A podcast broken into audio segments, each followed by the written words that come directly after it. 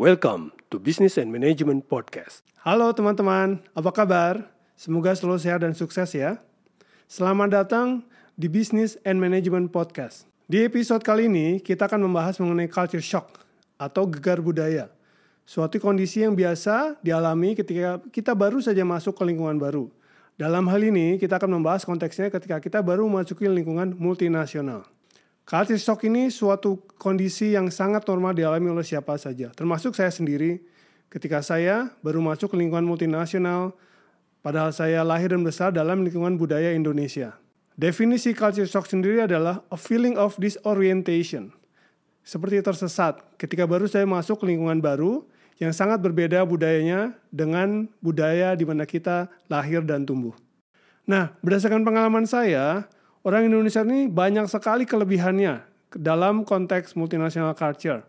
Orang Indonesia itu terkenal sangat ramah dan sopan, suka membantu, gotong royong tanpa pamrih. Namun kalau boleh saya kasih saran, sebaiknya budaya Indonesia tersebut for club members only, hanya untuk sesama orang Indonesia saja. Ya. Dalam hal ini sekali lagi konteksnya adalah dalam lingkungan kerja multinasional. Mengapa demikian? Karena begitu kita masuk ke lingkungan multinasional, kita akan bertemu dengan orang-orang dengan latar budaya yang berbeda. Dari Timur Tengah, dari uh, budaya Eropa, budaya Amerika, budaya Jepang, budaya Cina. Mereka datang dengan budaya masing-masing dan ada beberapa hal dalam budaya Indonesia yang kurang cocok untuk diaplikasikan dalam lingkungan multinasional tersebut, terutama dalam konteks kita mengembangkan karir dan mencari kesuksesan di bidang profesional. Terutama dalam konteks lingkungan Western companies, berikut ini adalah beberapa budaya Indonesia yang perlu kita lebih sesuaikan lagi sesuai dengan lingkungannya. Yang pertama adalah lebih aktif dalam bicara. Kita tumbuh dan berkembang dalam konteks lingkungan Indonesia dengan pepatah yang sangat terkenal, tong kosong nyaring bunyinya. Air beriak tanda tak dalam. Pakailah ilmu padi, semakin berisi semakin merunduk. Pepatah ini bagus sekali dalam konteks sesama orang Indonesia. Tapi dalam lingkungan multinasional, di mana kita saling berkompetisi untuk mencapai kesuksesan, pepatah ini kurang cocok. Perlu kita rubah paradigmanya. Contohnya dalam suatu meeting atau dalam suatu diskusi, orang Indonesia kebanyakan kurang lebih banyak bicara dibandingkan dengan bangsa lain. Ini harus kita rubah, karena orang Indonesia itu pintar-pintar, banyak sekali ilmunya, tidak kalah dengan bangsa lain, tapi jauh lebih pendiam secara garis besar. Ya, karena itu mindsetnya harus dirubah. Kita harus lebih aktif lagi dalam bicara. Kalau punya pendapat, utarakan. Ya, kalau punya pertanyaan, tanyakan. Jangan sungkan-sungkan, jangan diam saja dalam meeting. Saya sendiri mengalami perjuangan ini untuk bisa lebih aktif dalam meeting. Ya, sampai suatu saat bos saya memberikan feedback kepada saya, kenapa kamu diam saja dalam meeting? Kalau kamu tidak memberi input atau tidak bertanya, kamu artinya tidak memberi kontribusi dalam meeting itu. Sama saja kamu tidak ada dalam meeting itu. Begitu kata bos saya, sebuah tamparan yang cukup keras, tapi saya terima dan saya improve. Ya, di sisi di uh, sesi berikutnya saya berusaha semaksimal mungkin untuk memberikan pendapat saya, bertanya lebih aktif lagi dalam meeting.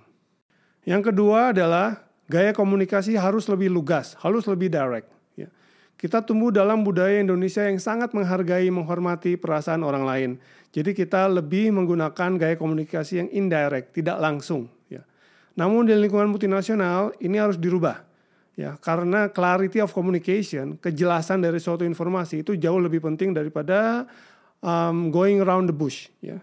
Jadi say what you mean and mean what you say. Kalau Anda setuju, bilang setuju. Kalau Anda tidak setuju, bilang tidak setuju. Kalau barangnya jelek, bilang itu jelek. Kalau barangnya bagus, bilang bagus. Jangan barangnya jelek, kita bilang lumayan. Sehingga tidak jelas maksudnya apa lumayan itu. Ya. Dengan begitu, komunikasi kita akan menjadi lebih jelas dan message yang kita sampaikan akan diterima oleh lawan bicara kita dengan jelas tanpa ambiguity. Yang ketiga, jangan dimasukkan hati. Jangan baperan. Don't take things personally. Ya.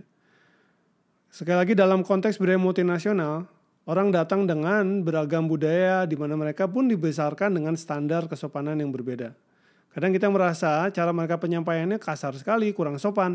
Tapi itu kan standar kita, standar bangsa Indonesia yang tinggi, standar kesopanannya. Bagi mereka itu biasa saja. Mereka tidak punya maksud untuk menyakiti hati kita. Maksud mereka hanya menyampaikan pesan. Jadi saran saya adalah judge content, not delivery. Ya, lihat isi pesannya sebenarnya apa sih? Niatnya baik kan untuk menyampaikan pesan pada kita, mengkasih feedback agar kita improve. Deliverynya mungkin blunt, kasar untuk ukuran kita, terlalu belak-belakan untuk ukuran kita. Buat ukuran dia sih biasa saja. Ya. Karena itu jangan dimasukkan hati. Ya. Yang penting adalah pesannya apa. Kalau dikasih feedback secara belak-belakan, lihat pesannya apa, tanyakan lagi apa yang perlu diimprove, behavior apa yang perlu dirubah, dan rubahlah. Ya. Kadang dari pengalaman saya pribadi, feedback yang sangat belak-belakan dari bos saya benar-benar adalah sesuatu yang membuat saya berubah dan bisa improve. Karena pesannya jelas sekali, apa yang harus saya rubah, saya perbaiki gitu ya. Kadang kalau pesannya terlalu indirect pun saya nggak ngerti sebenarnya saya mesti gimana sih. Ya. Jadi uh, sekali lagi, judge content, not delivery. Yang keempat adalah berani bilang tidak. Orang Indonesia dengan budaya gotong royong sangat mau membantu tanpa pamrih.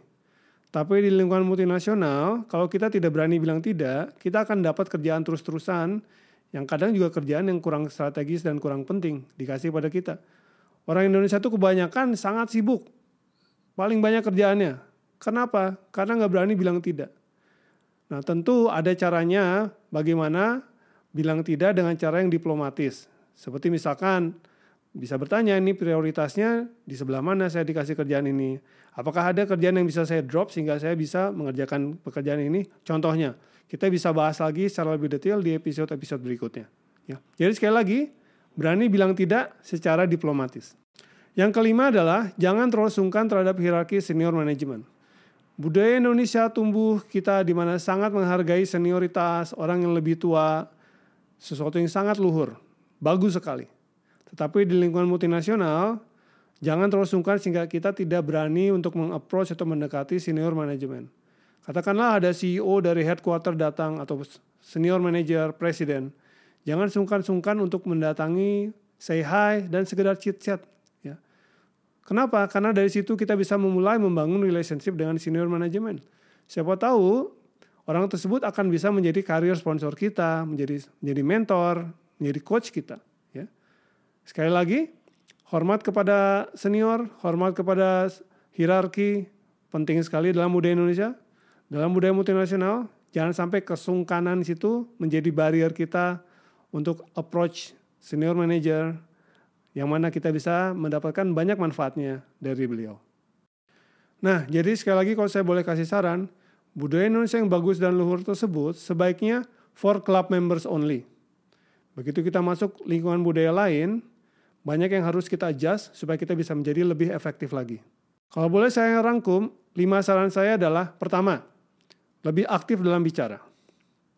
Yang kedua, lebih direct, lebih lugas dalam gaya berkomunikasi. Yang ketiga, jangan berperan, jangan sensitif. Don't take things personally. Yang keempat, berani bilang tidak secara diplomatis. Yang kelima, jangan kelewat sungkan sehingga tidak berani mendekati senior manajemen. Seperti kata pepatah, di mana bumi dipijak, di situ langit dijunjung. Ya. Dalam lingkungan members only kita pakai budaya Indonesia sesama dengan sesama orang Indonesia. Di lingkungan multinasional kita harus rubah style kita supaya bisa lebih efektif lagi. Apakah Anda juga pernah mengalami culture shock? Silakan ceritakan pengalaman Anda dalam kolom komen di bawah. Apakah Anda setuju kita harus beradaptasi dan tidak memakai budaya Indonesia secara 100% di lingkungan yang berbeda? Setuju tidak setuju? Silakan berikan komen Anda juga. Mari kita bahas dan diskusi bersama-sama. Podcast ini akan tersedia dalam format video di YouTube dan audio di Spotify. Akan ada juga forum diskusi di Facebook, Instagram, dan Twitter. Nah, semoga podcast ini memberi banyak manfaat pada Anda. Kalau Anda suka, silakan klik like dan subscribe, dan juga share kepada teman-teman Anda, sehingga semakin banyak lagi yang bisa mengambil manfaat dari isi podcast ini, dan Anda dan rekan-rekan Anda akan mencapai sukses apa pun definisi sukses masing-masing. Terima kasih banyak, semoga bermanfaat. Sukses selalu. All the best.